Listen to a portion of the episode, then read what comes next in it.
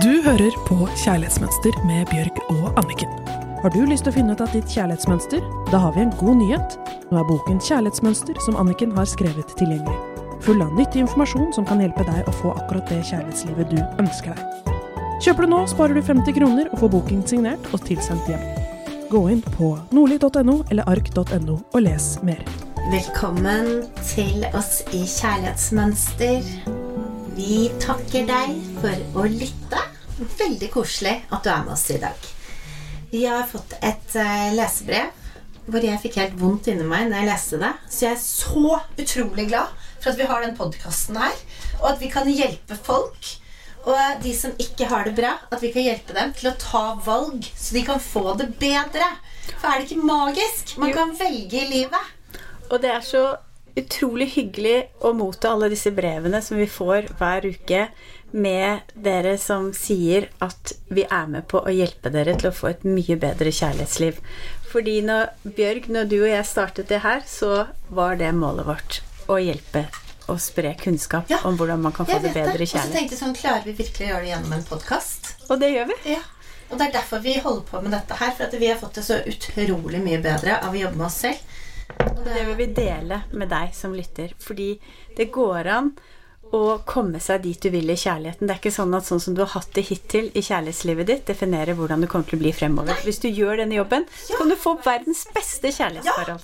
Det er fantastisk. Det handler ikke om å slanke seg fem kilo eller noe annet. Det skal bare bli enda mer av den du er. Ja! Det mer, du er du, det mer du er deg selv, jo mer perfekt er du. Så kjære innleser som har eh, skrevet dette brevet, nå skal jeg lese dette her opp. Og jeg tror faktisk det gjelder for noen. Kanskje ikke du kjenner deg igjen i alt, men kanskje deler, eller kanskje ingenting. Du får se.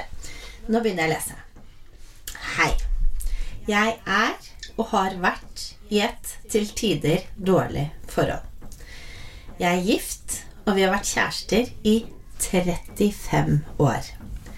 Jeg møtte han da jeg var 13 år gammel. Det har vært en del utroskap i forholdet vårt.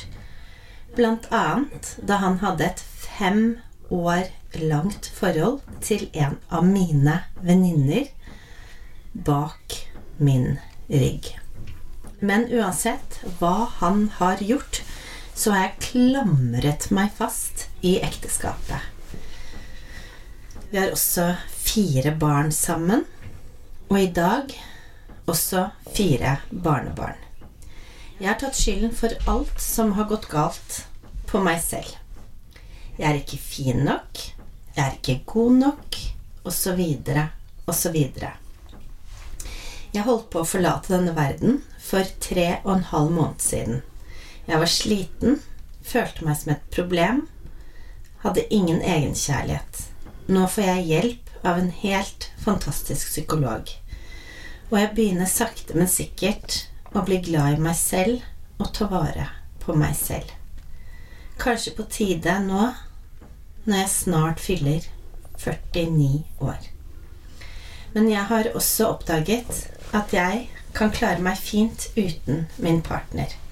Han er mye borte, for han jobber som fisker. Og det er dermed han som også da avgjør hvor ofte vi møtes. Når han har vært hjemme i tre dager, så sitter jeg helt utslått. Er helt tom for energi. Jeg er nok en pleaser. Økonomisk har han det godt, mens jeg sliter. Så det er store utfordringer her. Kan dere hjelpe meg å se hva jeg bør gjøre? Hvordan skal jeg komme meg videre? Jeg jobber intenst med å bli glad i meg selv og sette egne grenser.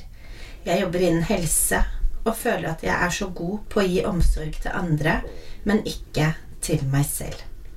Men har hørt på dere i noen uker nå. Blir så glad av å høre på dere.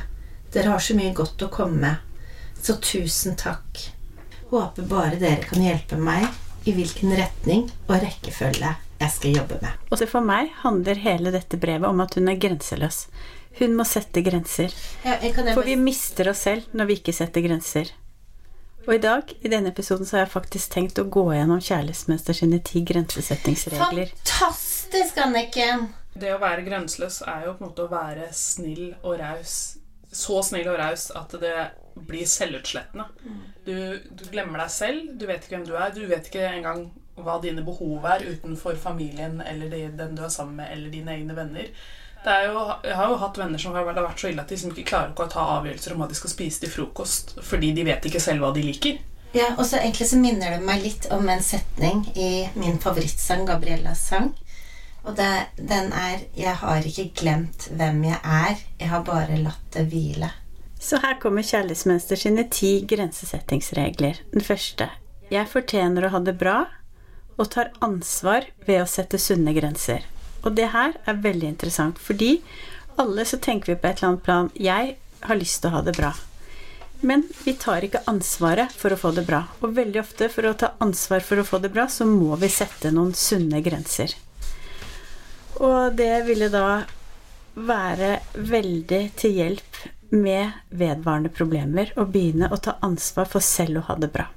Så selv om andre har behov, så må du sette grenser. For hvis andres behov gjør at du sliter deg ut og ikke har det bra, da hjelper det ikke deg eller forholdet eller partneren. Nummer to der jeg blir en mer ærlig versjon av meg selv, og jeg viser hvem jeg er når jeg setter grenser. Det er jo så sant, fordi at når jeg setter grenser, da er jeg jo ærlig og autentisk. For da sier jeg, vet du hva, dette aksepterer jeg, dette aksepterer jeg ikke. Dette vil jeg, dette vil jeg ikke. Dette har jeg behov for, dette kan jeg, dette har jeg ikke behov for, dette kan jeg ikke. Og da står jeg jo for å vise frem. Så det er jo veldig, det er noe veldig nydelig ved grenser. For da plutselig så vokser du frem og står der helt autentisk og naken og viser frem hvem er jeg. Og det er kjærlighet til deg selv, er å være ærlig om hvem du er. For det er å vise deg selv respekt. Inni ordet kjærlighet så bor ordet ærlighet. Og vår innsender har skrevet mye om at hun jobber med å bli glad i seg selv. Og da tenker jeg det å bli glad i seg selv er å få kjærlighet til seg selv. Men for å klare å få kjærlighet til seg selv, så må du være ærlig til deg selv. Hvor er grensene mine? Og så videre. Og så kommer kjærlighetsregel Nei, kjærlighetsmønster sin regel nummer tre. Andres meninger om meg er deres business. Og den er så viktig å holde. Fordi det andre mener om deg, det kommer fra en annen. Det må de ta ansvar for. Det betyr ikke Det er grenseløst å bare ta inn det en annen mener om deg. For det kommer jo fra deg. Du er ikke den personen. Du Det er deres definisjon av deg. Punktum. Det er ikke deg. Så det er faktisk utrolig, utrolig viktig. For Mm. folk kan si alt mulig rart. Og jeg bare har sett um, på noen av mine venner som er kjente, og som er mye i media. Alle de meningene som folk har om dem, som ikke stemmer overhodet med virkeligheten, som egentlig bare sier noe om den personen som sier det. Og så tenker jeg Det blir veldig synlig når de er kjente, men det er jo sånn også rundt venner og alle. Alle har jo meninger om alle, så man må huske på at det er masse sjalusi inni der. Masse mulig annet og måter å holde noen andre nede. Ja, så har vi alle vårt kart av virkeligheten. Sånn at vi må bare sette en grense der og si at andres meninger er deres business. For hvis vi skal gå inn og diskutere, hvis noen sier noe og mener noe om deg, eller om hva du har gjort, eller arbeidet ditt, eller hvem du er, så blir det jo veldig vanskelig å gå inn og argumentere når vi lever i to forskjellige virkeligheter. Så derfor må vi bare si, vet du hva, jeg respekterer og hører hva du sier, men det er din mening. Det er din business. Det angår ikke meg. Mhm, girl! og nummer fire Når jeg sier ja til meg selv, tar jeg vare på meg selv og min egenverdi.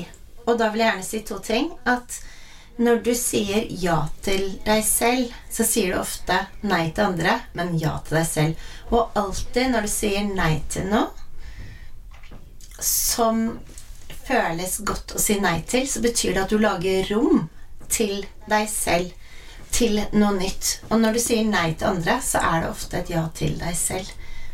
Men du velger alltid bort noe når du sier ja. Så vær veldig forsiktig med dine ja. Og så nummer fem. Jeg er et godt menneske og kan likevel si nei. Nei er en gyldig og fullstendig setning. Jeg elsker det. Den er så bra fordi at veldig mange føler at oi, nå er jeg ikke snill, eller nå er jeg ikke et godt menneske. Men det er jo ikke sånn at selv om man setter en grense, så går man fra å ha vært et godt menneske hele livet, og så er man plutselig ikke et godt menneske. Og det er som vi to har pratet om mange ganger, Bjørg, at hvis noen går forbi på gaten, og så sier du 'så stygg du er', eller 'så dum du er', så er det ikke sånn at utseendet ditt forandres på et sekund. Man er jo den man er. Så man er et godt menneske, og man kan allikevel si nei. Man vil alltid forbli like god inni seg. Det er så gøy, for det er ingen som tror på feer eller på trollmenn.